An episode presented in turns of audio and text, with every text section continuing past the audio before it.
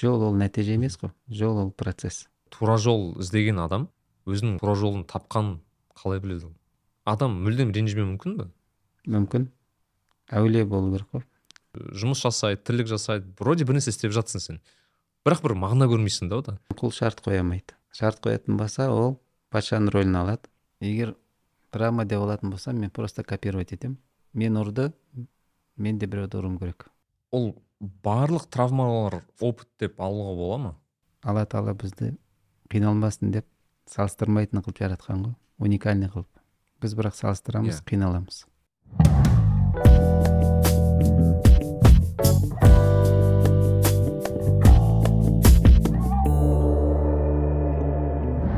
Ассалаумағалейкум достар. Сіздермен мен әрікби және әрікби лайф ыыы подкасты. Әдеттегідей ыыы подкастымыз басталмас бұрын осы біздің подкастқа жазылып және де лайк коммент қалдырып ал бүгін бізде ыыы ерекше қонақ ыыы бүгін бізде төребек бекбаев ағамыз келіп отыр. Төребек аға ассалаумағалейкум қош келдіңіз. Әлейкум сәлем қош көрдік.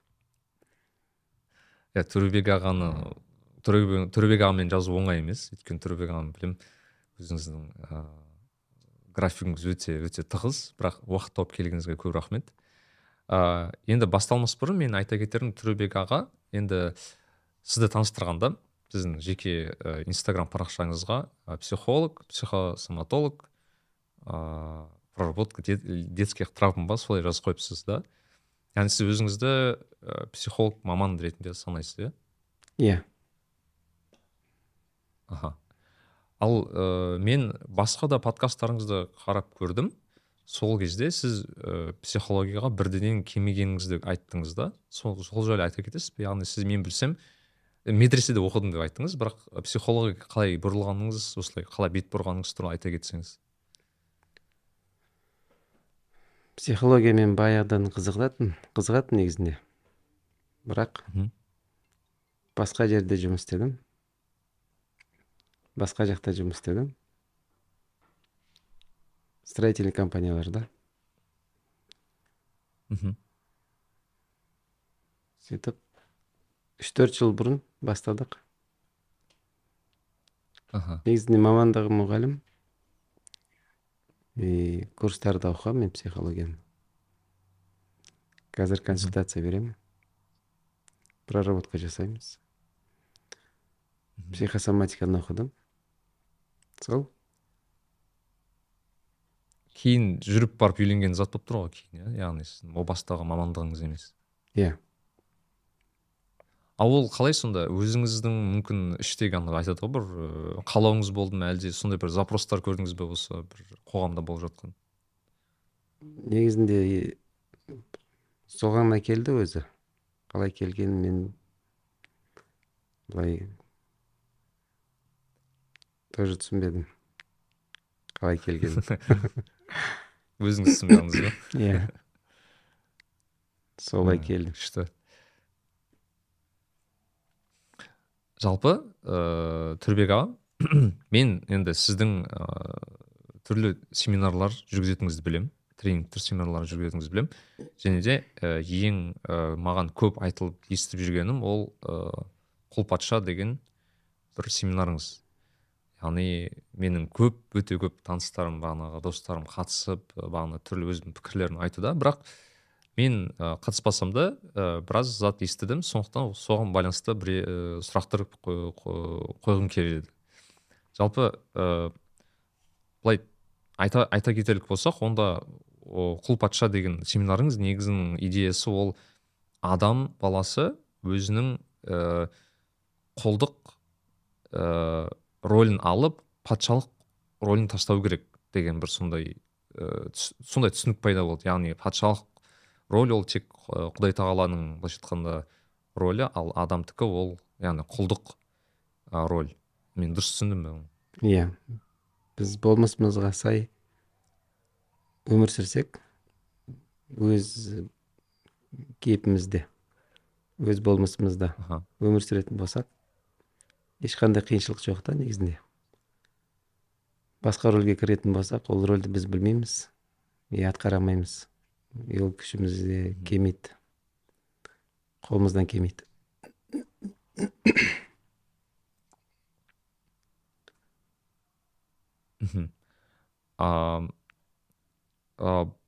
яғни мен дұрыс түсіндіргідей мысалы ыыы түсіндіру бойынша яғни мен кез келген адам баласы өзін құл деп есептеу керек дұрыс па? Өзін солай таныса жақсы болады. Солай таныса яғни солай есептесе ма яғни өзін? Иә өзін солай қабылдаса. Өзін табады. А иә бірақ төрбек аға мынандай болып қалуы мүмкін адам кейбір адамдар түсінбеуі мүмкін яғни құл деген қандай мағынасында айтылып тұр яғни мысалы мен құл деген енді расы керек құл деген ыыы көбінесе енді бір құл деген. Қожайын мағынада ол жақсы сөз емес те бірақ бірақ ы, Иә. дінде, дін- діндегі мағынасы басқа мүлдем. Иә құл деген қожайын емес. Құлда түк жоқ. Иә. ол шексіз кедей шексіз әлсіз. Құл Я- деген яғни? Аха. Ешнәрсеге билік жүргізбейді ешнәрсені уайымдамайды ешнәрсеге бас ауыртпайды құл тек айтқанды орындайды. Аха. Ал патша тек бұйрық бере ма сонда? Патша бәрін өзі жайғастырады өзі басқарады өзі шешеді өзі бұйырады. Ал бұл ыыы андай қылып андайға алып келмей ма мысалы жалпы адамның адамның бойындағы кейбір қалаушылықтарды басу деген сияқты. Яғни бұл құлда қалаушылық бол- болмайды ғой енді дұрыс па? Құлда негізінде қажеттіліктер бар. Құл мұқтаж болады аха. сезімдер болады Иә. аштық болады. Соның бәрін қожайыны береді оған. Сол арқылы оны басқарады. Оған бағыт көрсетеді. Қалай жүру керек екенін. Сол сезімдермен оны жүргізеді. Сезімдермен? Иә мысалы аштық сезім келді бізге қашан тамақ ішу керек екенін айтады. Қандай тамақ ішу керек екенін не жеу керек екенін. Аштық сезім арқылы бізге білдіреді. Алла тағала не жеуіміз керек екенін. Ал сонда ыыы құлдың таңдауы бар ма деген сұрақ. Жерде өзінің. Бізге таңдау шектеулі таңдау берілген да бірақ алла тағаланы тану үшін қожайын өзін таныту үшін оның дәмін таттырған кім екенін білдіру үшін. Бірақ біз оны иеленіп алдық иемденіп алдық. Менікі деп қойдық. Менікі деген кейін аха. берген мақсатты түсінбей қаламыз. Не үшін берілгенін ше? Ол менікі болу үшін келмеген да. Маған қожайынды таныту үшін келген. Ерік деген таңдау деген. Еріктің негізінде былай түсінігі тәуелсіздік деген сөз ғой. Ерік деген сөз. Иә. қолда тәуелсіздік жоқ. Егер ол тәуелсіз болса құл болмай қалады. Иә. құдай болып кетеді. Бірақ ол қараңызшы ол құл болуды да таң, таңдады ма? Яғни адам таңдайды емес пе мысалы мен өз бағана сөздің басында айттық біз адам өзін солай ыыы есептесе жақсы бірақ ол оның есептеуінің өзі де таңдау емес пе деген. Маған бір нәрсені таңдау үшін оны бірінші тану керек қой. Иә. Бір нәрсені таңдау үшін. Мен дүниеге барып Иә. келуім керек ол үшін. Бір нәрсені таңдау үшін. Или адам болып көруім керек оны таңдау үшін. Сосын таңдау қиыншылық негізінде. Бір нәрсе таңдайтын болса адам ол қиналады. Егер таңдалған нәрсені қабылдайтын болса ол жеңілдік. Яғни таңдау процесі қиын ба яғни? Иә. Екі нәрсе болса мысалы сізде екі ата ана болса екі ана болса қайсысын таңдайсыз? Жалғыз ана бар оны таңдамайсыз. Оны қабылдайсыз. И ол жеңілдік болады. Екі ана болса қайсысын таңдайсыз? Қайсы сіздікі болады? Екі деген нәрсе негізінде иә. таңдау ғой екі деген. Бір деген нәрсе таңдаусыз.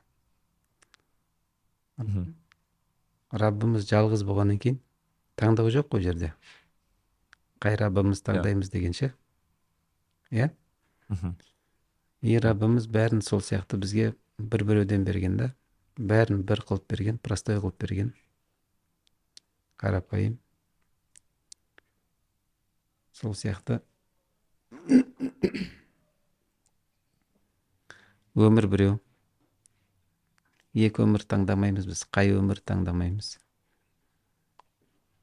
Әке біреу ана біреу.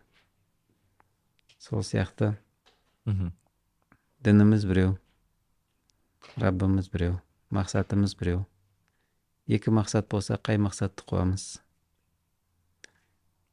Екі болса екі есе қиын болады. Бір болса бәрі простой болады. И алла тағала бізге жеңілдік қалайды. Енді қараңызшы таңдауға байланысты яғни құлда ондай таңдау жоқ дұрыс қой. Яғни құл тәуелсіз і, дүние адам емес. Иә. Иә жалпы. А, сонда оның мақсаты не деген сұрақ пайда болды сонда? Құлдың мақсаты құлшылық қой. Иә. Құлшылық деген әрекет плюс ниет. Мхм. Әрбір әрекетті қай мақсатпен жасайды? Кімге арнайды оны? Аллаға арнайтын болса құлшылық болады. Сол мақсатпен істейтін болса құлшылық болады. Бірақ әрекетте ешнәрсе өзгермейді. Менің тамақ жеуім өзгермейді. Мен оған тек ниет қоссам құлшылыққа айналады. Амалдар ниетпен деген сол сөз ғой иә амалдар ниетпен деген.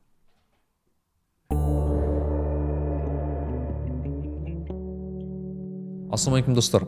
Санаулы күндердің ішінде мұсылмандар үшін ең маңызды жылдың кезеңі рамазан айы келе жатыр. Рамазан ол құран айы тақуалық пен жаңа белестердің айы. Осыған орай біздің достарымыз кітап ал кітап дүкені өзінің ерекше ұсынысын беруде. Ол рамазан пакеттері. Бұл рамазан пакеттерінің ішіне сіздің рухани әлеміңізге азық болатын керемет түрлі кітаптар берілген. Мысалы құран кәрім хадистер жинағы пайғамбар саллаллаху вассалам өмірбаяны рамазан күнделігі дегендей. Бұл кітаптардың барлығы пакеттің ішінде жеңілдікпен берілген. Және де а, бұл пакеттер 3600 теңгеден 15000 теңгеге дейін барады. Және қаласаңыз өз ол пакетті өзіңізді таңдап жинап алсаңыз да болады. Және менің ойымша бұл жинақтар а, сіздің мысалы ауызашарға барғанда туға, дос туған а, бауырларыңызға бір керемет сыйлық болар еді. Ал хадисте келгендей а, сыйлық сыйлау а, ол а, арадағы осындай сыйластықты арттырады. Ал рамазан ол және де сыйластықтың айы. Барлық толық ақпарат осы видеоның түсіндірмесіне беріледі. Ал біз подкастымызды жалғастырамыз. Рахмет.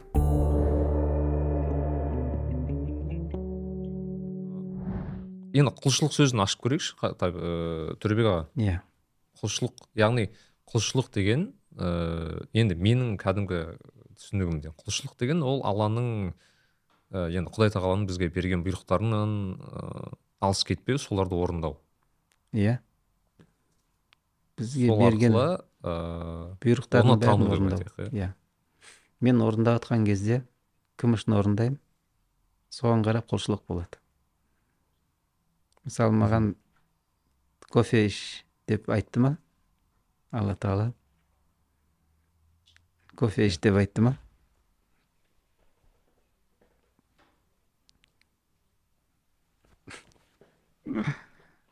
Кофе іш деп айтты бірақ мен оны оқуым керек қалай айтты? Маған сол дәмді берді. Маған сол аштықты берді. И маған сол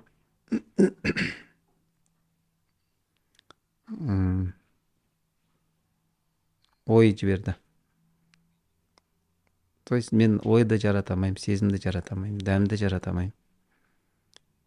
И маған оны жейтін ішетін мейірімді қылып берді да жұмсақ қылып берді Мгм. пайдалы қылып берді. Ол жаратты бәрін дайындап қойды маған тек әрекет қалды. Сол әрекет кім үшін орындалады? Мхм. мен кофедегі ішу мақсатым құлшылық болатын болса мақсатыма жеткен боламын да. Алла үчүн болатын болса. Бирок карын тойдуруу или просто ляззатын алуу ляззаты максат болуп кетсе максат мен максат кылып алсам аны онда кулчулук үчүн жаратылган эмнем жоюлат да максатым ниетим жарамайт болмой калат и мен яғни мен тамак Иә. ішкен кезде мен адам сияқты тамақ ішуім керек. Жәндіктер сияқты емес. Өмір сүруім адам сияқты болу керек. Жәндіктер сияқты емес. Өйткені бізде образ жизни бірдей. Олар да біз сияқты тамақ ішеді су ішеді ұйықтайды көбейеді жүреді көшеді қыдырады үй салады соғысады. Олар да бәрі әрекеттерінің бәрі бірдей біздікі сияқты. Бірақ санасыз түрде жасайды. Біздің ерекшелігіміз тек санамызды қосу. Біздің жұмысымыз тек санамызбен болады. А животный инстинкттер бәрімізде бар. И олар инстинктпен өмір сүреді да и былай қарасақ өмір сүру үшін ақыл керек емес екен ақыл не үшін керек ақыл не үшін керек сонда өмір сүру үшін емес ақыл тану үшін керек иә иә кімді танимыз бізді кім жаратты ол өзін танытып жатыр әр затында өзін танытады и бізге бірінші аят оқы деп түсті ә, яғни бізді адам қылып тұрған ол ақыл. Иә. Қой. Яғни біз ақылды қолданбасақ значит біз білмеймін ысырап жасап отырмыз ол ақылмен иә? Яғни. Біз оны қолданбасақ иә. Ешқандай айырмашылығымыз жоқ былайша айтқанда. Өмір сүруімізде ешқандай айырмашылығымыз жоқ. Енді қараңыз ол ақыл дұрыс қолдану деген кезде яғни мысалы мен кітап оқи аламын бір ғылыммен айналыса аламын жұмыс істей аламын түрлі түрлі енді ақылда түрлі түрлі қолданысы бар деп айтайық иә? Ә, мен дұрыс түсінсем егер сен ақылыңды яғни құдай тағаланы та- тануда именно қолдансаң ол құлшылық. Сол дұрыс па? Мен түсінгенім егер оны мақсат қойсам оған кім үшін қолданамын сол кезде Иә. құлшылық иә. Кім үшін дегенде яғни сен ә, кім үшін деген сұраққа жалғыз ғана жауап болу керек болсын да. Иә жалғыз болса оңай болады. Жалғыз яғни ғана кім үшін деген кезде алла үшін деп жауап беруім керекпін ғой мен. Кез келген істе негізі иә тек қана десең болды. Бізді не үшін жаратты? Тек қана құлшылық үшін дейді. Ол жерде тек қана деп айтқанда белгілеген оны қызық. Ә, қараңызшы ә, сонда ә, адам баласы ә, кез келген істе кім үшін деген сұрақ қоя білу керек иә яғни өзіне. Иә. Әр әрекеттің алдында егер сұрақ қоятын болса онда саналы түрде жасайды. Сұрақ қоймаса саналы түрде ол не үшін жасап жатқанын түсінеді яғни иә? Иә осознанно. Егер сұрақ қоймаса просто так істей береді. Ешқандай мақсатсыз. Яғни рутина болып кетуі мүмкін тағы басқа болып кетуі мүмкін. Яғни өзінің бір болады ғой аға мысалы бір адам тірлік жасайды да адам. Өз жұмыс жасайды тірлік жасайды вроде бір нәрсе істеп жатсың сен. Бірақ бір мағына көрмейсің да ода. Мысалы біз жақында ана логотерапия деген психологияда жақсы бір не бар ғой өзі? Ә, мәнмен іздеу деген мән арқылы емдеу деген бір саласы бар ғой өзінің. Сол кезде мысалы зерттеу зерттеген тақырыбы да сол да яғни адамдар бір нәрсе жасайды бірақ мән мағына көрмейді одан. Яғни бірақ адамда бәрі жақсы болуы мүмкін. Мысалы там машинесі болуы мүмкін үйі болуы мүмкін жұмысы болуы мүмкін бәрі басқа мүмкін бірақ мән жоқ. Мән мән жоқ кезде көбінесе адамдар бағанағы түрлі депрессия болсын суицид болсын басқа жаққа кетеді. Және ол былай қазір сіздің айтуыңыз айтуыңыз бойынша түсінгенім ол адам не үшін деген сұрақ қойылмаған өзіне яғни. Дұрыс па? Иә. Не үшін? Кім үшін? Бірақ қараңызшы ыыы, ол адам олай сұрақ қойса адам өзін ступорға дейді ғой орысша айтпақшы. Өзін кіргізіп жіберуі мүмкін ба мысалы? Шынымен не үшін екенін білмесе мысалы? Не үшін екенін білмесе іздейді ғой сұрақ қояды. Ізденісте болады. Аха. Маңызды болған тек процесте болу. Таба ма таппай, таппай ма маңызды емес ол. Маңызды болған тек қана процесс. Әрекет қана маңызды нәтиже маңызды емес.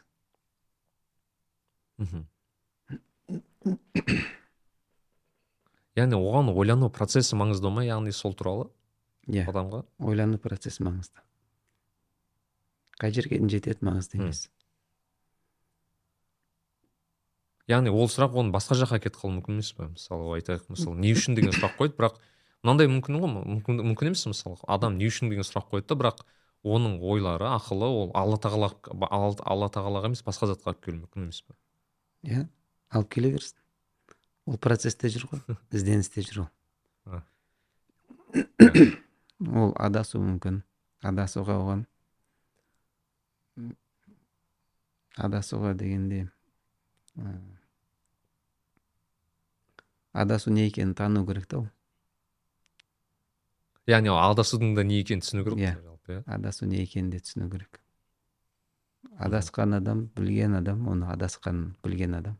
Тура жолды таба алады тура жол не екенін білетін болады. Енді қараңыз аға ыыы тура жол іздеген адам өзінің тура жол тура жолын тапқанын қалай біледі ол? Негізінде іздеген адам іздеген адам процесте ғой? Иә. тура жол тапты ма жоқ па? Нәтиже ғой ол. Иә. Егер таптым десе тоқтайды. Ізденіс тоқтайды. Мхм. Ол өмір бойы іздеу керек оны. Ізденісте. Мен тура жолдамын деп айта алмайды. Шешім шығара алмайды да. Ол үнемі ізденісте болады процесте болады. Баға бермейді шешім шығармайды үкім шығармайды мхм. Яғни ол ізденіс былайша айтқанда өмір бақи жалғасады ғой. Яғни ол ешқашан айта алмайды мен тура жолға келдім ау Иә, деген сияқты ешқашан айта тұжырымдап алмайды. болмайды иә? Иә ешқашан айта алмайды. Ол дәптерін көрмеген ғой. Қайда жүргенін ше аха айта алмайтын себебі өйткені ол ыыы бағалай алмайды иә оны? Бағалай алмайды иә. И баға бере алмайды ол. Енді просто айтқым келген андай. Сен бір жерде жүргеніңді білу үшін сен оны түсінуің керек қой. Яғни сен айтайық тура жолда жүрдім дейсің окей. Сен тура жолда екенін қандай критерий арқылы түсіндің деген сұрақ пайда болады ол жерде. Егер мен ізденісте болсам процесте болсам. Мгм. ізденісте болсам. Маңызды болған сол тура жол сол да негізінде. Мхм. сұрақ қоюда ол. Тура жол сұрақ қоюда. Мен сұрақ қоятын болсам ізденісте болам тура жолды іздеймін мен. И сол тура жолға ең жақын тура жолға. Сұрақтармен құтылады сұрақтармен жетеді сұрақтармен түсінеді. Жол ол нәтиже емес қой жол ол процесс.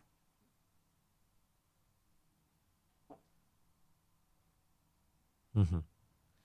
Енді аға ыыы құл патша осы неңізге осы концепцияңызға байланысты да мысалы ыыы айтайық бір ситуация болады да адам өмірінде. Мысалы айтайық бір адам бір адамға бір қатты сөз айтып қойды.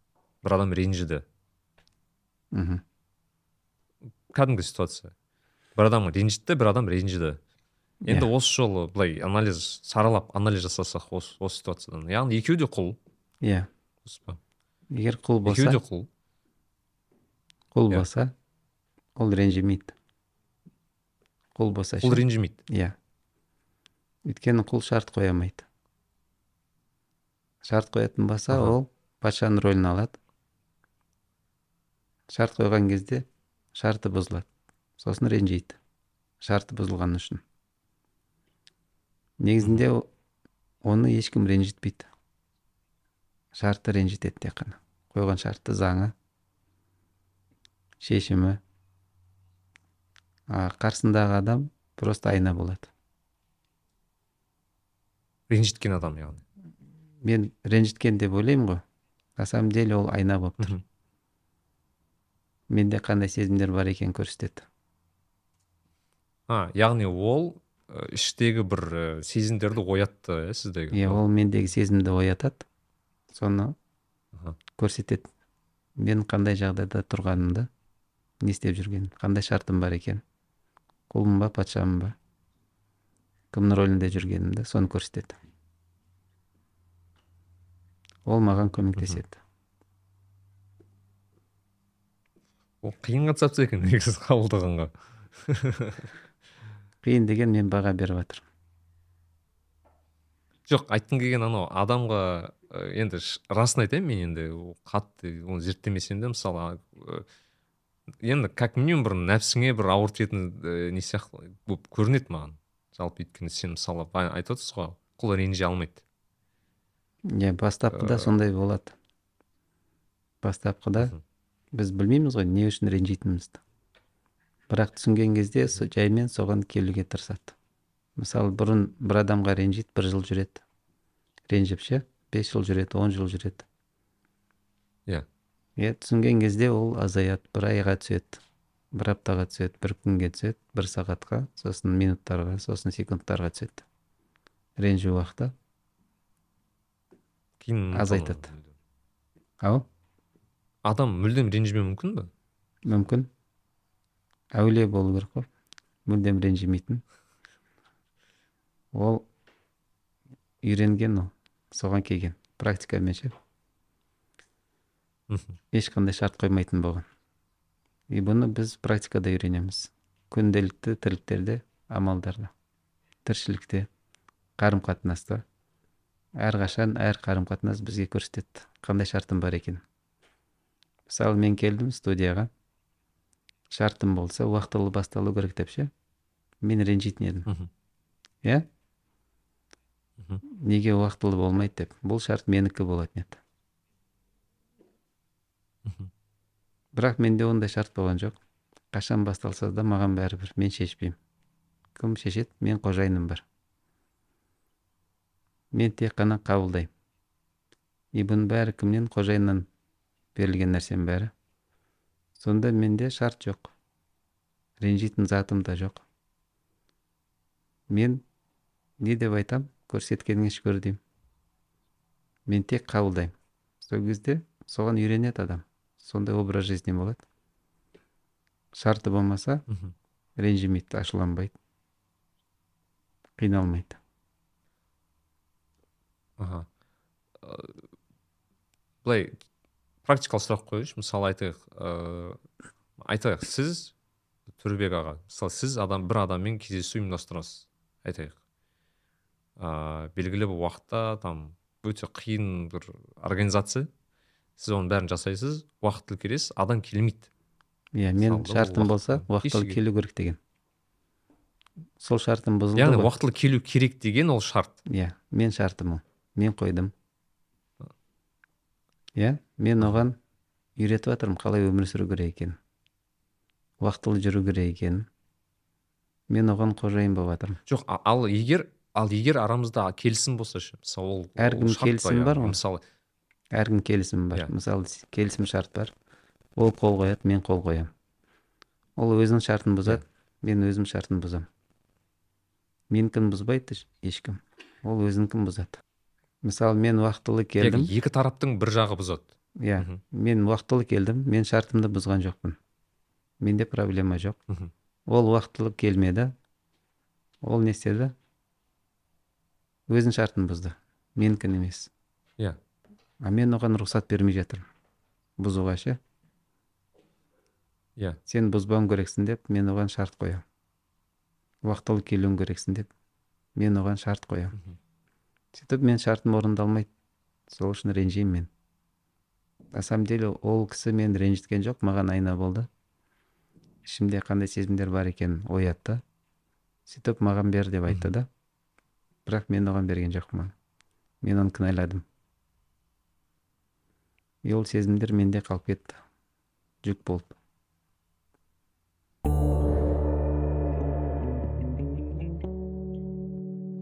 шарт қою дедіңіз ғой? Мысалы бізде енді көп ә, біздің өмір сүру салтымыз деп айтайық өмір сүру былайша айтқанда дағдыларымыздың көбі ә, біздің ата анамыздан кішкентай кезден аламыз дұрыс қой. Яғни біз бізге көбінесе ата анамыз үйретеді орта қоршаған орта үйретеді тағы басқа. Осы шартты қою деген затты айтатын айтатын болсақ мысалы ол қайдан басталады? Ол яғни кішкентай кезден бастала ма? Әлде бір Иә, кішкентай кезден үйрете- басталады. орта үйретеміз бізге шарт қоюды иә ортадан үйренеміз. Біздің орта сондай болмаған үшін содан бәрін аламыз біз. он екі жасқа дейін бала боламыз. Содан үйренеміз. Бірақ он екі жастан кейін адам қайтадан туылады қайтадан ә, қайтадан туылады да переходный возраст дейді ғой. Өз шешім қабылдай бастайды. То есть уже ортаға қарсы шыға алатын болады да. Өз шешім қабылдай алатын болады ақ пен қараны ажырата алатын болады. Сол себептен өзі шешеді алған нәрсесін қалай қолданатын. Оған ақыл берілген ақыл ол критерий. Дұрыс бұрысын көре алады.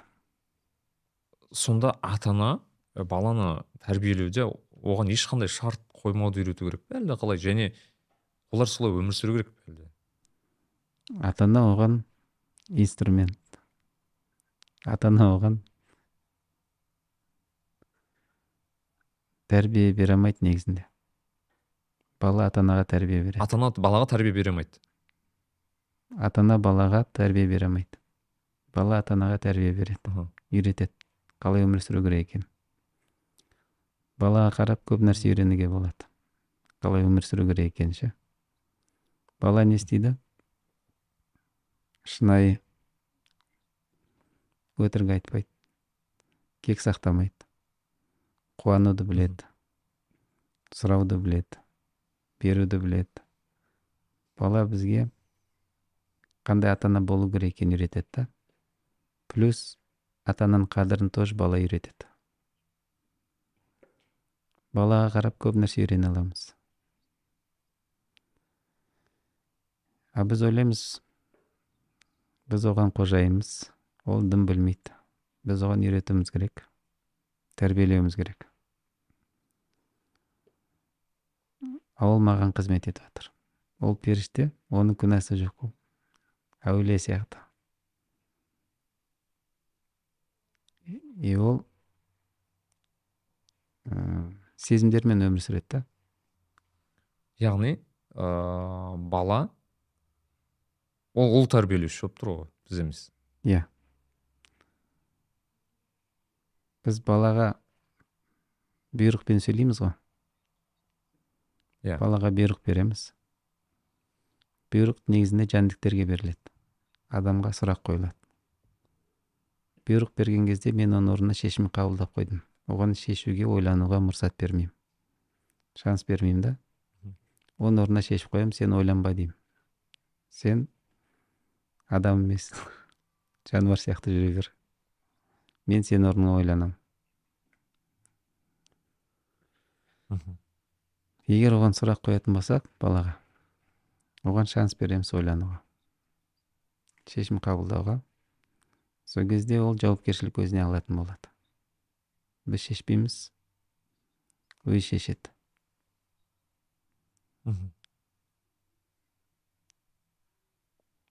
сұрақ қоятын болсақ құрметтейміз оны бұйрық беретін болсақ құрметсіздік болады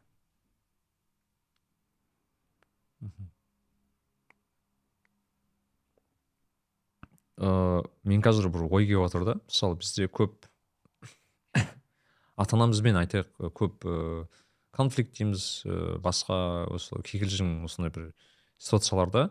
Көбіне ә, тура сол ә, ситуацияны кейде көріп жатамын яғни біз ә, бір шартты махаббат деп айтайық иә. Бір шартты махаббат қоямыз кейде. Адамдарға бұл тек ата анаға байланысты емес жалпы адамдарға. Яғни ә, мені жақсы көру үшін әсіресе кішкентай бала болса жақсы көру үшін олар бір нәрсе беру керек. Немесе ата ана мені жақсы көрмейді өйткені былай істеді тағы басқа андай бір шартсыз махаббатты тек ата ана беретін секілді да бұл жерде. Яғни сен шынымен кім екенің яғни осы, осы шарт қой негізі айтып отырғаныңыз иә ана адам еш- ешқандай шарт қоя алмайды бұл жерде. любой шарт ол шарт та. Ата ана балаға мені жақсы көрсін деп қарайтын болса ол да шарт қой мені жақсы көрсін. Иә? Ол жақсы көрмеуге де ол ыыы мұр- мұрсаты бар ғой яғни. Иә ол баланың. Жақсы көру неден тұрады? Берүүден тұрады. Жақсы көру берүүден тұрады. Бір нәрсе күтетін болса дұшпандық туындайды біреуден бір нәрсе күтетін болса дұшпандық туындайды өйткені ол шартта орындалмаса ренжиді ашуланады жақтырмайды жек көреді. Шарты бар оның. Күткен нәрсесі бар нәтиже күтеді. Егер шартсыз жақсы көретін болса онда кім үшін жақсы көреді? шартсыз жакшы көрсөчү алла ушуну жакшы көрсө шартсыз жакшы көрөт. И ал кулчулукка айналат. Мм сол кезде душмандык болмойт ода. Ол адам жанагы э, кайтарымын аламы ала оны жакшы көрөмү жакшы жақсы көрмей ма? Маңызды емес мен жакшы көрсөм болду мен кім үшін жақсы көремін сол яғни маңызды. сіз сіз қарама қарсы таптың ә, реакциясына жауап бермейсіз сондықтан сіз өзіңіздің ғана ә, реакцияңызға жауап бере сондықтан сіз соған ғана былайша айтқанда миыңызды ашытасыз ғой дұрыс қой? Иә. мынандай формула бар. Менен басқа ешкім жоқ деген. Тек қана мен бармын. Қалған бәрі айна. Бәрі мені көрсетеді. Барлығы. Барлығы мені көрсетеді аха. Менің айнам барлығы маған көмектеседі. Айтайықшы мысалы төребек аға мысалы мен бір адамға қараймын. Аха қандай сезім оятып жатыр? бір мысалы айтайық та пример ретінде. Мысалы айтайық маған бір адам менен бір негатив эмоция тудырады. Иә менде негатив бар екенін көрсетеді. Иә негатив бір эмоциялар ы, тудырады. Иә менде негатив негатив эмоциялар бар екенін бар екенін көрсетеді. а значит менде шарт бар екенін көрсетеді. И Мгм. кім екенімді көрсетеді. Ол маған көмектесіп жатыр негізінде. Қай жағынан ол бар екенін көрсету үшін ба ол менде негатив эмоция бар екенін көрсетеді. Мен оған қарадым. Бір жер ұнамай қалды. Иә. Соған қараған кезде мен білдім что менде ондай шарт бар екен. Маған ұнау керек еді ол. Мен көрген жері ұнау керек еді деген менде шарт бар екенін мен сол адамға қараған кезде білдім өзімді таныдым. А ол адам маған айна болды. Мендегі сезімдерді көрсетіп жатыр маған көмектесіп жатыр өзімді тану үшін. И менің фокусым тек өзімде болса мен тәрбиеленем мен өзгерем мен жөнделем. Мен фокусым сыртта болған үшін өзімді ұмытып кеткем жоғалтып алғам кім екенімді білмеймін. Мысалға айтыңызшы мысалы мен, мен, мен көп қандай мысалдар көремін өмірде. Екі мысалы жігіт бизнес бастайды бірге. Бизнес басталады жұмыс жүреді. Кейін бір тарап бір тараппен келісе алмайды. Кейін ы, арасында бір бұл бұл қарым қатынас бұзылады. И көбіне ә, екі тарап бір бірінен мүлдем сөйлеспей кетеді. Ну сөйлеспейді дегенде. Енді араласпауға тырысады. Яғни бір бірін і, былайша айтқанда көріспеуге тырысады тағы басқа. Яғни осы ситуацияны алатын болсақшы ондай мысалдар мен өте көп білемін да. А, сонда бұл екі тарапта да бір біріне қатысты бизнес жүргізуіне қатысты олардың реакциясына қатысты ә, бір күту бар ғой. Яғни Иә, олар осылай болу керек еді. Бірінші бизнес солай жүру керек еді. қойды иә. Шарт қойды қалай жүру керек еді деген. Сөйтіп оны күтеді. Орындалмаса ренжиді. Сосын көргісі келмейді кетіп қалады. Ал сонда төлебек аға сонда қандай реакция болу керек адамда? Мысалы айтайық сен бір келісімге орын бір ке- келісім бар араларыңда. Ал бір адам ол келісімді бұзады. Яғни окей мен айтайын ладно мен короче өзімді былай сындырып болсын ренжітпеймін. Айтамын ок жақсы ол ситуацияны қабылдаймын тағы басқа. Бірақ мен менің реакциям қандай болу керек сонда ол, ол ситуация? Мен егер сұрақ қоятын болсам сұрақ мені ойландырады. Ситуацияны дұрыстап оқитын болады да. Мен кіммін деп сұрақ басталады. Мен кіммін маған жауаптар келеді. Мен құлмын деген жауап керек. келді ғой жауап мен құлмын деген. Иә. Құл болсам құлда не бар? Ештеңе жоқ. Ешнәрсе жоқ. Не жоғалтады? А, ну ештеңе жоқ болса ештеңе жоғалтпайды ғой? Иә. Ешнәрсе жоғалтпайтын болса неге ренжиді неге уайымдайды? Яғни осы сұрақтар қою арқылы адам өзін бүйтіп тоқтату керек қой. Ол ойланатын болады. Өзін табады. Сұрақ қоятын болса. Ә, бұл а, адамға негізі бағанағы бірінші сұраққа қайтып келетін сияқты көбінесе. Бұл, бұл, бұл сұрақты былайша айтқанда бұл сұрақты қоя білу үшін адам құлдың не екенін түсіну керек сияқты. Құлдың ә, болмысын түсіну керек сияқты. Неге ол адам құл екен? Яғни адам ә, енді адамның былайша айтқанда құл екені түсінікті ғой бірақ адам именно құл екенін ыыы былайша қалай түсіндірсек мысалы адам құл екенін түсінікті ғой былай былай былай да айтсақ. бірақ иә біз адам сөзде түсінеміз өзінің да. сөзін түсінеміз иә бірақ Иә. бір мағынасын түсінбеуіміз Мағынасын мүмкін яғни құл деген иә. кезде. Құлды мағынасымен қабылдайтын болсақ ол да простой негізінде. Ода түгі жоқ. Мхм. Иә? Түгі жоқ болса простой ғой. Түк жоқ ше? Ешнәрсе жоқ. Простой ғой ол. Түгі жоқ болса несін жоғалтады ол? Нені уайымдайды? Неден қорқады? Жоғалтатын түгі жоқ. Қалай түсінсек осы осы осы жерді ашып өтейікші. Жоғалтатын түгі жоқ. Яғни айтайық Мысалы- адам өзінің бір үйі бар ақшасы бар тағы басқа. Ол түсінік ол түсінікке келу керек яғни оның бұл бұл бұл зат оныкі емес. Дұрыс қой. Бұл зат менікі емес. Қожайыны бар. Маған берілген аманат. Аманат деген біреудің заты деген сөз. Аманат. Иә? Аманатқа қиянат жасауға болмайды. Қашан қиянат болады? Ол зат менікі деген кезде. Оны иеленсе иемденіп алса сол кезде қиянат болады. Дене менікі емес сезімдер менікі емес ерік менікі емес нәпсі менікі емес дүние менікі емес әке шеше бала шаға ешқайсысы менікі емес. Мен қожайын емеспін. Маған инструмент ретінде берілген. Мен не үшін жаратты? Құлшылық үшін. И бәрін маған инструмент ретінде құрал ретінде берілген. Құлшылық жасау үшін иелену үшін емес қолдану үшін. Мысалы мен келдім студияға отырдым. Маған отыратын орындық берді. Мен отырмын рас мен отырсам менікі деп айта алмаймын оған. Дүниеге келдім маған дене берілді. Дене менде болса значит менікі емес ол мен орындықты қалай болса солай пайдалана алмаймын да.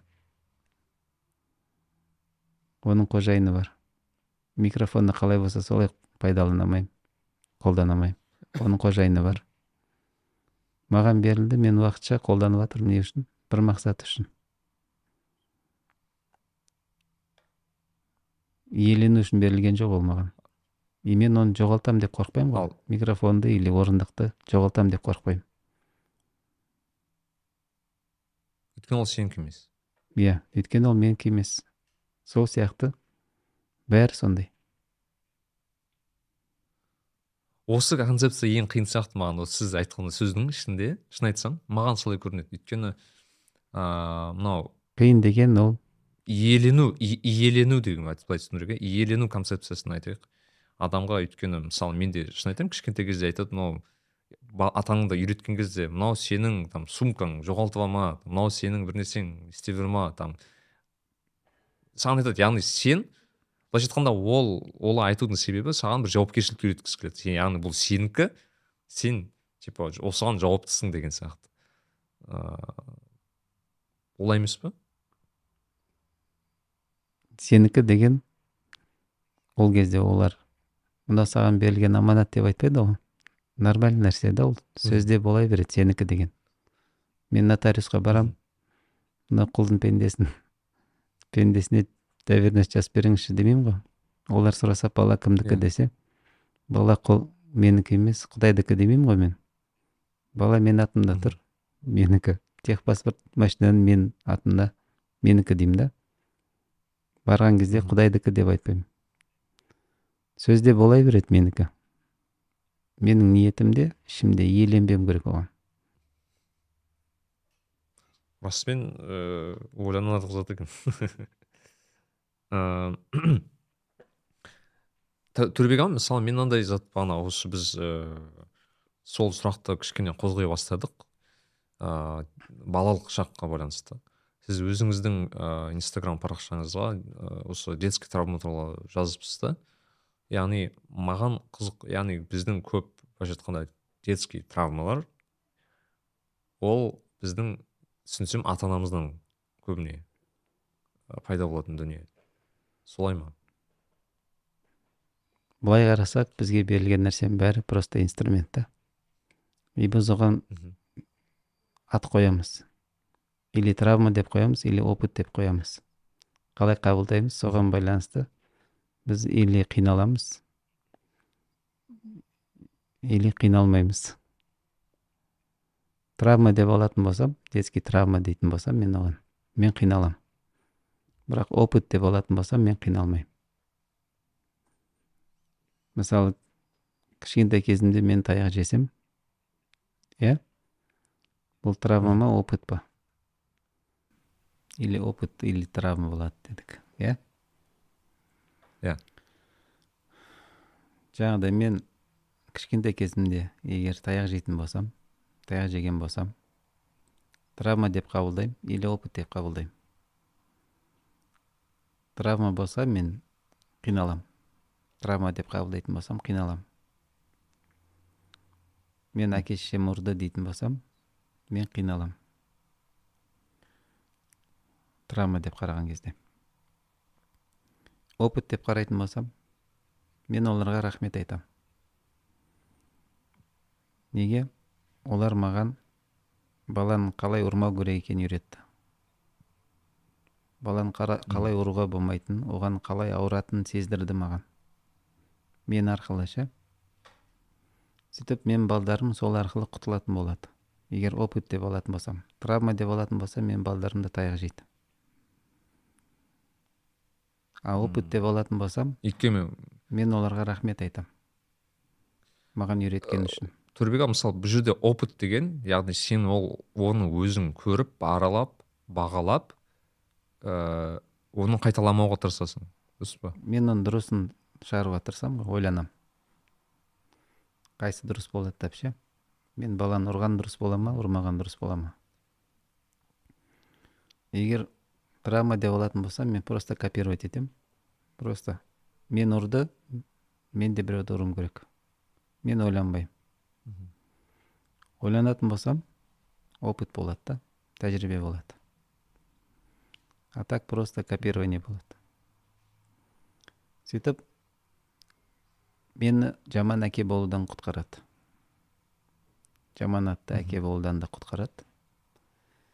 А бірақ өздерін аямады олар. Өздеріне қиып жаман атты болып негізінде қаһарман болды да олар. Өздеріне қарамай өздерін аямай. Мені құтқарды жәкен жаман әке болудан и балдарымды құтқарды. Таяқ жеуден ше сондай опыт алады ойланатын болса. Травма деп қарайтын болса мен таяқ жедім балам да таяқ жеу керек ничего өстік дейді. Нормально жүрміз ғой дейді. Иә. Бұл травма болады. Ол барлық травмалар опыт деп алуға бола ма? Иә. Барлық травмалар опыт деп алуға болады. Тіпті ең ауырларын да? Иә ең ауырларын ғой мысалы кішкентай кезде. Енді біз жаңағыда мысалы табиғат аға туралы сөйлесіп едік мысалы табиғат аға бір екі осындай мысал айтып еді. Келіншектерге байланысты. Именно мысалы келіншектер айтады ә, бір еркектердің мысалы кішкентай кезінде тиісуі олардың кейінгі өміріне әсер ете, ете алады деген сияқты мысалы ол бұл жағдайда бұл травма ғой мысалы былай қарасаң. Травма деп қараса қалай иә, опытқа ауыстырады? болады. Опытқа ауыстыратын болса? Жоқ бұл бұдан қалай опыт болады деген иә, ғой жалпы. опытқа ауыстыратын болса мен сол жағдайға қалай түстім? Кімнің кесірінен? Ата анам мені жалғыз қалдырып кетті. Мен соны түсінемін балдарымды жалғыз қалдырмайтын боламын бөтен еркектің қасында қалдырмайтын боламын мен соны түсінемін бірақ мен ата анам оны маған үйретті. Ащы опыт болды ол маған. Сосын мен қиналамын ғой. Мен қиналамын иә. Мен өмірім бұзылды деп ше иә? Ол кезде де мен өмірімді иеленбеймін. Менікі емес ол. Денемді иеленбеймін. Менікі емес. Сол кезде жеңілдейді. Мен қожайын емеспін. Дене кімдікі? Өмір кімдікі? Менде таңдау жоқ еді ол кезде. Сол кезде жеңілдейді. Немесе травма деп жүрсе ол жеңілдемейді ешқашан. Оны қайда қоятынын да білмейді. Сонда ә, сіз ә, сіздің теорияңыз бойынша адамды адамдағы бар детский травмаларды емдеудің деудің тәсілі ол ол травма деген сөзді опытқа ауыстыру ғой. Мен ол жерден қандай плюстарды көре аламын тағдыр ғой өзгерте алмаймыз. Тек қана соған көзқарасты өзгерте аламыз. Қалай қараймыз? Травма деп па или опыт деп қараймыз ба? Соған қарап өмірді жалғастырамыз. Ал егер адам қиналса ше ол ауыстыра алмаймын де- деуі мүмкін ба мысалы мен ол Иә, мүмкін қиналса ол иеленеді иемденіп алды да сол үшін қиналады. Емделген ситуациямен емделе ма или қалай менікі дейді дене менікі өмір менікі. Мгм. сол кезде қиналады. Көтере алмайтын жүк көтере яғни мысалы қараңызшы ііі қазір мысалы қоғамда ә, осындай мәселе қозғалады да мысалы ііі мое тело мое дело деген сияқты. Яғни менің денем менің шешімім. былайша айтқанда менің денем мені өзім не қалауымды не қалаймын ол денемен соны істеймін деген секілді белгілі бір түр- түрде сондай бір сөздер бар. Яғни осы жағдайда адам егер осындай кейіп осындай бір ә, ситуациялар тап болатын болса ол адам қиналады. Яғни Иә. өйткені ол ол иелік етіп тұр да денесіне Иә. байланысты оны жіберу аға сонда мысалы сіз қалай үйретесіз? Мысалы адам айтайық сұрақ қоямыз. мен ә, кіммін? бессознательно түп сана түп сана ретінде бар ғой мысалы адам бес- бессознательно кейбір кезде оны жасайды.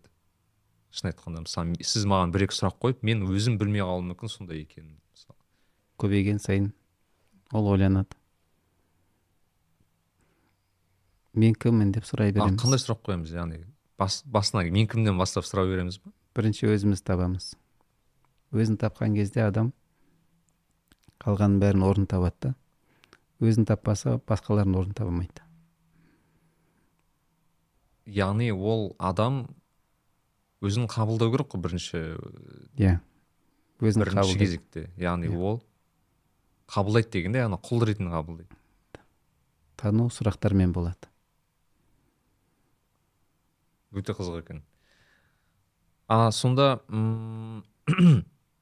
шығу, себеп, шығу себептеріне байланысты ше осы? Біздің көп детский травма дейміз басқа. А, бұл бұл да шартқа байланысты мысалы детский травмалардың шығуы? Мысалы көбінесе ә, детский травмалар мысалы айтайық ә, бір ә, бала болады мысалы кішкентай кезде және көршісінің былайша айтқанда көршінің баласы сенен мықты там қара там оқиды бүйтеді сөйтеді мысалы саған белгілі бір ә, модельдер қояды да мысалы. Мынау модель осындай болу керек. Былай қарасаң ә, адамға бір модельді қою модель дегенде яғни мысалы ә, рол модел дейді ғой ролевой модель. Яғни мысалы мен өсіп келе жатырмын мынау қара осындай болу керек адам. Осындай бүйту керек сөйту керек. Бұл да шарт па? Мысалы ба- Бұл да шарт, иә. бұл да шарт. Ата ананың шарты ғой. Жұрттың баласы бар ғой. Жұрттың баласы керемет. Сол кезде мен оны жас кезінде түсінбеймін. Бірақ кейін ойланған кезде түсіне бастаймын. Мен солай өсірді деп. И қалай қабылдаймын соған? Қалай қараймын? Опыт опыт деп қараймын ба или травма деп қараймын ба? Мен түсінемін что бірақ аға қиналады. жақсы да болуы мүмкін ғой мыс- мысалы жақсы зат жақсы затта травма болуы мүмкін ғой. Былай қарасаң. Ну рол модел болған жаман емес қой негізі көп жағдайда. Жақсы болуы мүмкін егер мені ол төмендетпейтін болса. То есть ол жақсы мен жаман. Мхм. Маған төмен баға бермейтін болса нормальный нәрсе да. Бірақ мені төмендететін болса ол травма болып қабылдайды. Яғни мен жақ, бірақ қараңыз мен, мен жақсы мен жаманды айыра білуім керек қой ол үшін. Баласымен. Оны мақтайды. Иә. Иә? И маған қалай айтады? Сен оңбағансың десе мен төмендетеді. Мхм. Или қашан сондай адам боласың дегенде мен төмендетеді да. Мхм. Бірақ мен салыстырмаса просто ол туралы айтса ол адам керемет екен десе мықты екен десе болды. Ол просто өзінің сезімін айтқан болады. Салыстырмай ше? Тек тамсанса мысалы айтайық мына бала Иә. қандай керемет екен деп иә тек тамсану болады. Салыстыру болмайды.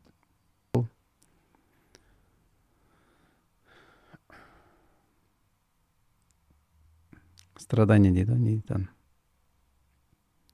Қиналуға алып келе ма иә. Қиыншылық. Алла тағала бізді уникальный қылып жаратқан. Уникальный деген қайталанбас. Ерекше. Дара. Дара. Дана. То есть ол ешқашан ешкіммен салыстырылмайды. Алла тағала бізді қиналмасын деп салыстырмайтын қылып жаратқан ғой уникальный қылып. Біз бірақ салыстырамыз Иә. қиналамыз. А бірақ мысалы мынандай мәселе бар ғой төребек аға ол қалай болады? Мысалы айтады бізде бір көп мәселелердің бірі ол айтады егер өсуді қаласаң өзің өзіңнен қайда мықты адамдардың ортасында бол дейді да. Және үйт- сен өйткені ол ортаға түскенде өзіңді қа- қанша дегенмен салыстырасың. М, мысалы сен бір тірлік жасап жүрсің ол да ту- тура сол тірлік жасап жүр бірақ оның мысалы там доходы үлкен ол басқа өсуі басқа тағы басқа. Сен теория андай да сен сен оларға қарайсың и сен де өсесің бірге бірге, оларға қарап. Иә. Ол да салыстыру ғой былай қарасаң иә әлде ол емес субъективный мнение ғой негізінде. Иә? Біреумен салыстыр дегенде. Или сол ортаға түс. Күштілердің арасында бол. Күштілік немен өлшенеді? Әркім өлшемі бөлек қой. Немен күшті ол? Әркімнің қабілеті бөлек. Әркім өзіне қарап айтады. Біреуге үйрете алмаймыз қандай болу керек екен. Өйткені ол менің мнением болады да. Біреуді танымаймыз. Тек өзімізді танимыз. Поэтому айтқан әңгіменің бәрін тек өзімізге айтамыз. Қалған бәрі яғни менің кез келген әңгімені өзімізге қарай бұруымыз керек па сонда өзгеге емес. Иә. Менен басқа ешкім жоқ қой. Абай атамыз сөйтіп айтады. Ғой өзіме айтамын деп. Қаласаң кел тыңда дейді.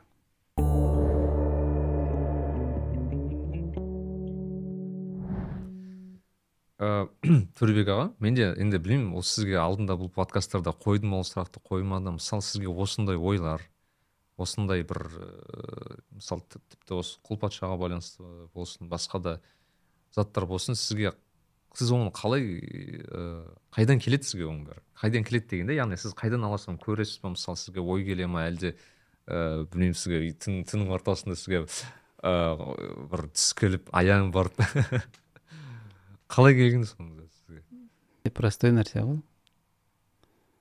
Сұраққа келе береді. Сұраса келе береді да.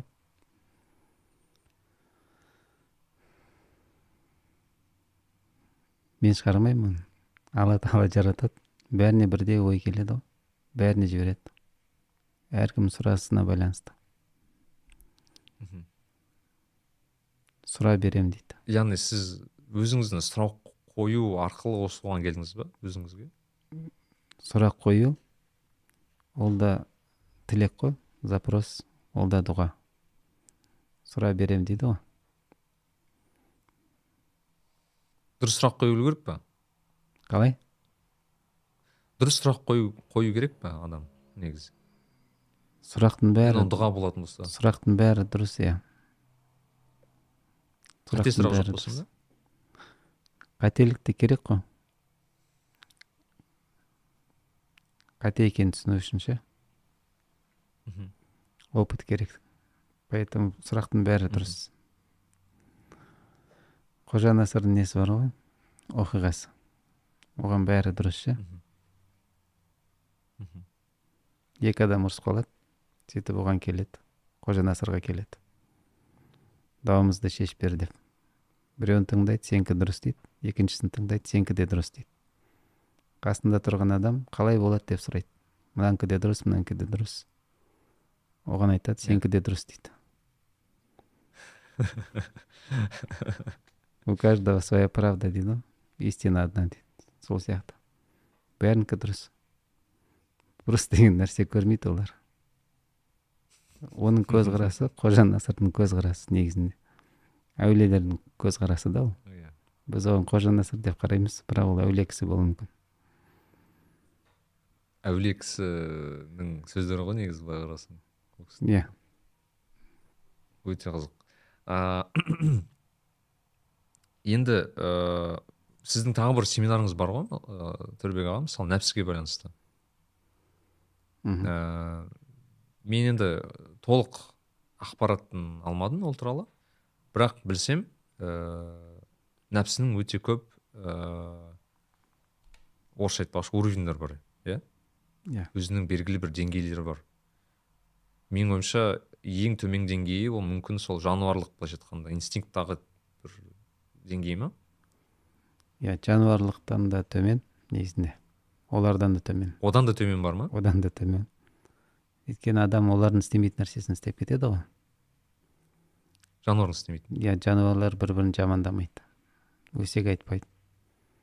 Ғайбат Иә. ғайбат айтпайды да. Біз айта аламыз. Олар бір бірін төмен санамайды. Біз төмен санаймыз. Менсінбейміз жақтырмаймыз. Бұны жәндіктер істемейді. Олар арақ ішпейді темекі шекпейді дегендей ғой. Сол үшін олардан да төмен деңгейге түсіп кете алады адам. Періштелерден жоғары бола алады жаратылыс. Болмысы сондай да адамның. Ең жоғарғысы ең төменгісі бола алады. Ал ә, жалпы сонда қараңызшы нәпсі деген кезде біз нені түсінеміз? Нәпсі ол адамның жеке қалаушылықтары ма? Әлде бағанағы бізде көбінесе нәпсімен мысалы эгоны шатастырады да мысалы ол бір зат па әлде ол бөлек зат па әлде қалай? Негізінде екеуі бір зат иә. Эго деген. Өзім деген сөз. Нәпс деген өзім деген сөз. И ол жетіге бөлінеді.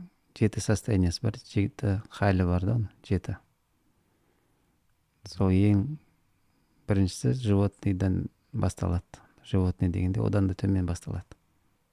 Болото болотодан басталады. Ал ең соң ең жоғары сол пайғамбарлардікі ма сонда? Ең жоғарғысы иә пайғамбарлардың дәрежесі. Аха. Жетінші дәреже. Ал біз қай деңгейде жүрміз? Жалпы адам баласы көбінесе біз қайда білеміз қай деңгейде жүргенімізді. Сұрақпен біле аламыз. Ә, сонда әр деңгейдің өзінің сұрағы бар ма әлде қалай? Просто сұрақ қойсақ. Менде сол жаңағыдай жәндіктен төмен істейтін нәрселер істедім ба жоқ па? сондай әрекеттер бар ма жоқ па? сондай ойлар. Біреуді жек көру жақтырмау өсек айту. Сұрақ қойсам өзімді көрем таба аламын.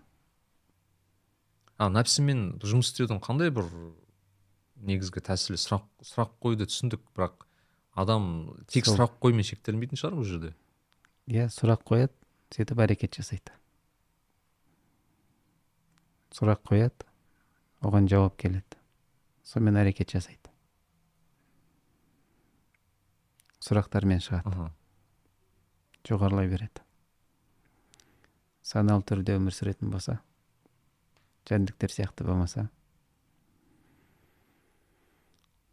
жоғарылай береді.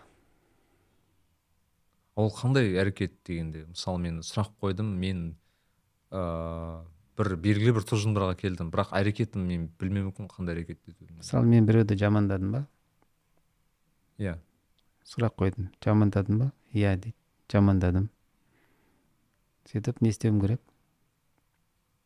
Жамандап жүре бермеймін ғой. Не істеуім керек? Одан бас тартуым керек. Бас тарту үшін қайтып кірмеймін ол нәрсеге деп. Бекінуім керек та. И ол адамнан барып кешірім сұрауым керек. Сол әрекеті болады оның кешірім сұраған кезде түсінеді не істеп қойғанын. Оны сезінеді. Сөйтіп қайтып оған кірмеймін деп бекінеді. Тәубе етеді былайша айтқанда. Сол кезде жоғарылай береді. Яғни ол бір қателігін екінші рет қайталамайтындай бір өзіне келісім шартқа отыру керек қой өз өзімен иә. То есть менде ешкімге шарт болмау керек. Ешкімді кінәламауым керек. Менде бір кінәлі адам бар болса мен кінәлаған. Онда мен жаңағындай болот адам. Менде бір кінәлі адам бар болса. Мені мысалы қараңызшы бір адамды лақтырып кетті ақшаға мысалы немесе бір Мені кім лақтырды? ол өзін аналарда иә. Ол адам лақтырды. Иә? Иә иә. Не істеуім керек? Соған лақтырмайтындай бір нәрсе жасау керек. Мен сотқа бере аламын ғой. Иә. Бірақ мен оны жамандамаймын. Ол жаман деп айта алмаймын да. Ол адам жаман деп. Жеке өзіне байланысты. Жеке Иә. өзіне қатысты иә. Ол қателік істей алады. Яғни бұл жерде бөлу бө- бөлу керек қой яғни. Адам ә, белгілі бір күнә жасауы мүмкін қателік жасауы мүмкін. Біз оның қателігіне байланысты мен оған пікіріміз болуы мүмкін. Бірақ адамның өзіне қатысты пікір болмауы керек пе сонда бізде? Солай иә мен оған баға бермеймін. Ол қандай адам? Мысалы айтайық қараңызшы ыыы бір адам бір адамды ну лақтырады. Сіз оны көріп тұрсыз. Сізде іштей баға пайда болады ол адамға байланысты. Айтайық мынау сенімсіз адам екен деген секілді. Айтайық. Бұл баға ма мысалы ол? Мен сұрақ қоюым керек. Кім баға беріп жатыр деп. Сенімді ма жоқ па деп ше? Сұрақ қойған кезде жауаптар келеді. Типа мен мен баға бере алатын адаммын ба деген сұрақ қой бұл жерде яғни. любой сұрақ қоя аласыз мен баға бере аламын ба? Аха. Сосын кім баға беріп жатыр кім шешті? Ну мен шештім деп айтсам мысалы адам ретінде өзі иә қабылдап мен шешетін кіммін деп тағы да сұрақ қоямын аха. Ешкім емес өйткені сен құлсың яғни сенде шешім жоқ. Осымен Иә. тоқтау керек қой. Менде ондай полномочия жоқ.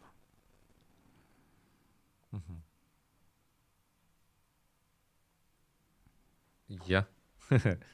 Сонда ә, сізге солай ә, келген адамдар болды ғой яғни со- сондай бір нелермен мысалы? Қалай жұмыс істеймін деген сияқты. Сіз солай сіз солай шешесіз ба ол сұрақтарды көбіне. Сұрақ осындай сұрақтар қою арқылы. Иә солай шешіледі. Ал төребек аға мысалы бұл қарсы біз қазір психологиялық көп сұрақтарды қозғап отырмыз да. Бірақ неге психологияда ондай мәселелер қозғалмайды? Өйткені ол ыыы былайша айтқанда адамға байланысты бір ғылым ғылым ғой енді. Адамды зерттеумен айналысатын ғылым. Мысалы. Бірақ ы, бұл концепция ол жерде мен мысалы сізден бірінші рет ыыы естіп отырмын да.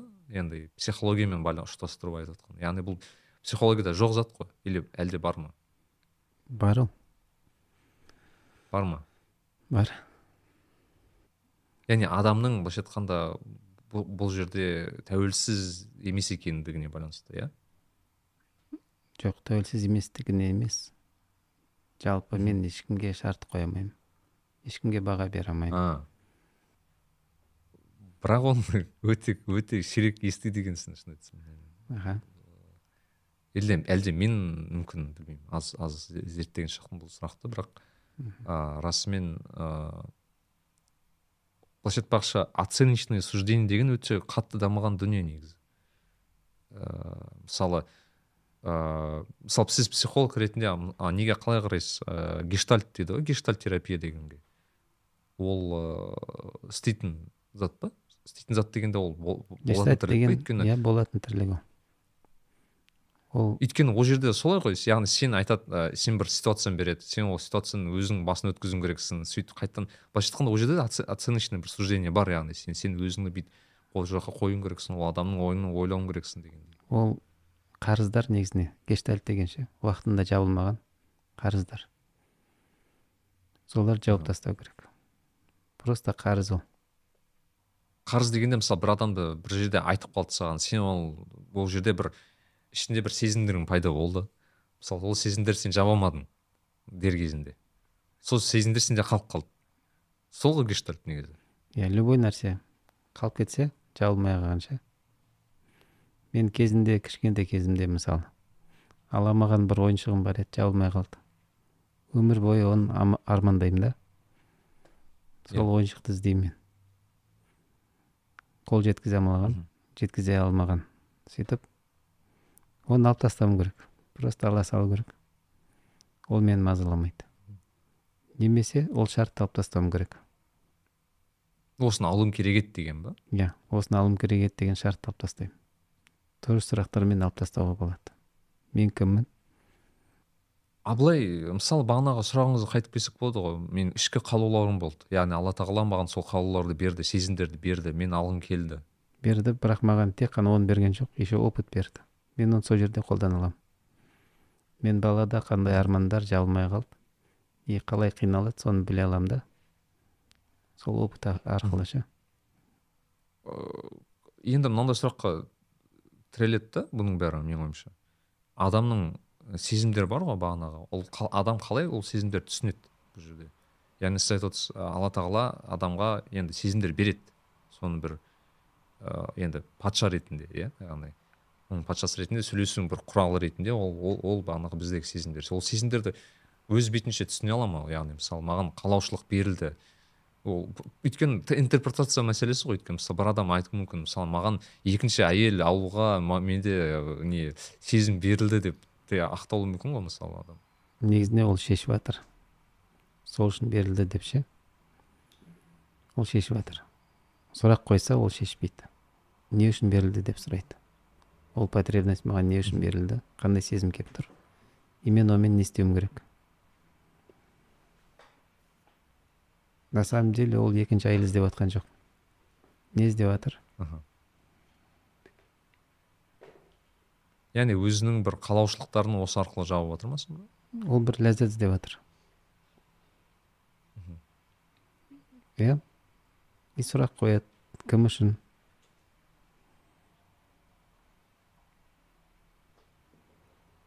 Мхм. Алла тағала бізге жеңдер ішіңдер бірақ ысырап етпеңдер дейді. Бәрі тамақ сияқты да. Мен тамақ ішемін. Өзім тоямын көзім тоймайды бірақ. Мен ойлаймын ол сезім маған келіп тұр деп. Аштық сезім ше на самом деле менде аштық сезім жоқ. Менде ой келіп тұр. Мхм. Ой кімнен келеді? Тоже фильтрдан өткізуім керек. Оған да сұрақ қоюым керек. Ал ойды қалай қандай сұрақ қоямыз ойға? Жаңағыдай айтты ғой екінші әйел алуым керек деген ше. Сұрақ қоямыз кім үшін деп. Иә.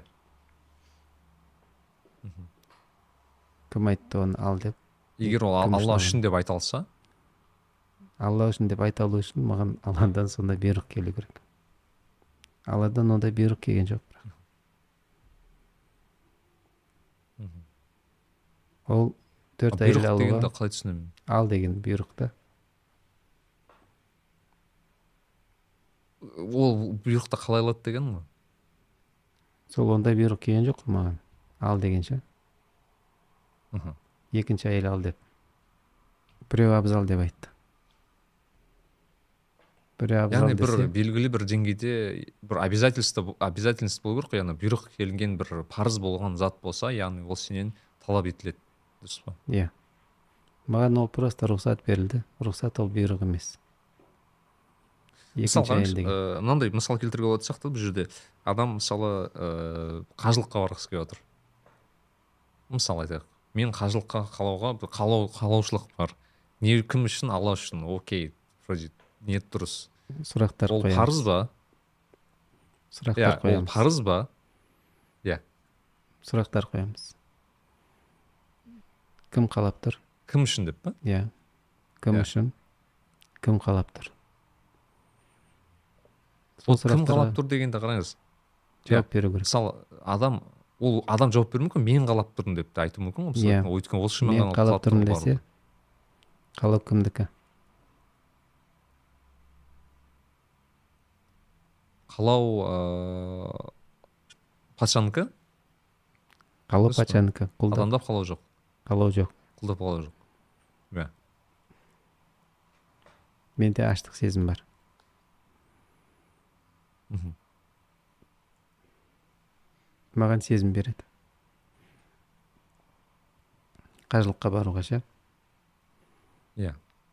Ол аштық сезім қарным аш. Қажылыққа қарным аш. Ол менің қалауым емес маған сондай сезім келді. Ол маған келіп тұрған қалаулық алла тағаладан бұл жерде бұл тағы да күрделі сұрақ болғаннан кейін көп неден бұл салаға кіруден қорқып жатырмын негізінде ше? Көп тартыс болып кетеді деп. Қараңызшы мысалы маған бұл сіздің қойып отырған а, кім үшін ға жауап беруге болады? Бірақ мысалы кім қалады деген сұраққа байланысты менде мысалы кішкене ступор тұрып қалатын сияқтымын. Өйткені кім қалады деген сұрақта түсініксіз да өйткені вроде сен қалап тұрсың иә. Вроде қалау сен жақтан болып тұр. қалауды иеленіп аламын мен қаладым деп ше. Қалау менікі емес алланың енді қалау менікі деп айтқанмен қалау қалауды былайша айтқанда мен алып алдым ба өзіме сонда? Иә. Маған берілген қалау ерік алланы таныту үшін берілген да. Мен бірақ иеленіп алдым оны менікі деп қалау. Оның қалауы не екенін түсінсін деп маған берілген зат.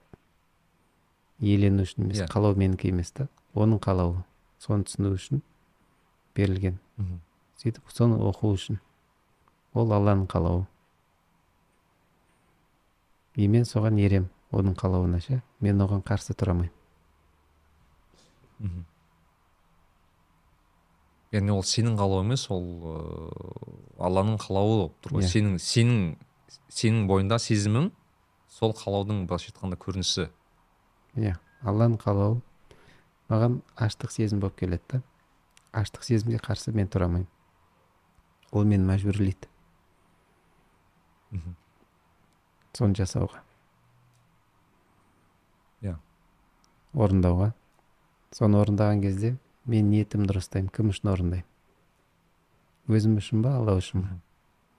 Алла үшін болса құлшылық мен үшін болса құлшылық емес. Өзім үшін болса. Қажылықты мен қалаймын десе мен үшін болады. Алла қалайды десе алла үшін болады. Өте қызық екен. Иә. Ыыы төлебек аға көп рахмет. Осындай бір керемет уақыт бізге бөліп бізге сіздерге иә біздің әлде подкастымызға келеді деген ойдамыз әлде талай жазамыз деген үміттемін. А біздің подкастымыздың соңында біз ыыы подкасттың әр і, жазылымда осындай бір блиц қоямыз сұрақтар. Ыыы бір екі сұрақ сізге қойғымыз келеді. Ыыы бірінші сұрақ ол ыыы айтайық сіздің досыңызға танысыңызға ііі бір сыйлыққа тарта тартқыңыз келген бір бір үш кітапты айтсаңыз қандай кітапты тартар едіңіз сыйлыққа? Құран хадис. Мхм тәпсір тәпсір үшеуін. Бір авторларын айтып жіберсеңіз қиын болмаса. Авторлары құдай ғой құранның авторы. Жоқ жоқ иә тәпсірдің мысалы любой тәпсір көп қой. Кез келген бола береді дейсіз ғой. Иә. Иә. Жақсы. Ыыы екінші сұрақ. Ыыы ол і соңғы бір жылда өзіңізге немесе отбасыңызға бір жасаған бір жақсы бір инвестиция туралы айтсаңыз инвестиция дегенде яғни кез келген бір кітап болсын бір демалыс саяхат білмеймін кез келген дүние өзіңізге өте көп пайдалы берген ыыы сондай бір дүние туралы айтып кетсеңіз. Өзіме жасалған? Өзіңізге немесе отбасыңызға? Инвестиция ма? Мхм М, менікі асыраушы ғой негізінде рөлім ше обеспечение. Мгм. Мгм. соның бәрі инвестиция. Менің отношениям бәрі инвес- инвестиция. Мхм қарым қатынастың бәрі қарым қатынастың инвестиция. бәрі инвестиция. Иә. Жаңа қарым қатынастар дейсіз ғой. Иә. иә ол негізі жақсы нетворкинг қолда керемет. Ә, және үшінші сұрақ ол кішкене андай ә, мүмкін. Ә, бір не керек? Ә, визуализация дей ма ол мынандай сұрақ. Ә, айтайық сіздің ә, неңіз бар. Ә, ә, үлкен бір баннеріңіз бар. Көшенің бойында. Сіз кез келген бір сол зат қоя аласыз өзіңізге. Бір жазу сурет кез келген дүние. Ә, бір қандай бір месседж қояр едіңіз сол жерге? Бір қандай бір хабарлама? Иә мен кіммін деген. Қандай? Мен құлмын деген? Мен кіммін деген. Сұрақ. кіммін деген? Иә, өте маңызды. Ойланарлық. Иә иә көп рахмет аға. Ә, осылай келіп бізге көп көп ә, осындай керемет мәселелермен қозғап бөліскеніңіз үшін ал тыңдармандарға көрермендерге біздің ә, осы каналымызға жазылып міндетті түрде ұнап жатса комментарий қалдырып және де төребек ағаның керемет инстаграм парақшасы бар жазылып семинарларына барып қатысып жүріңіздер. Ал ә, келесі күн жақсы. Бәріне ассалаумағалейкум. Асықпа.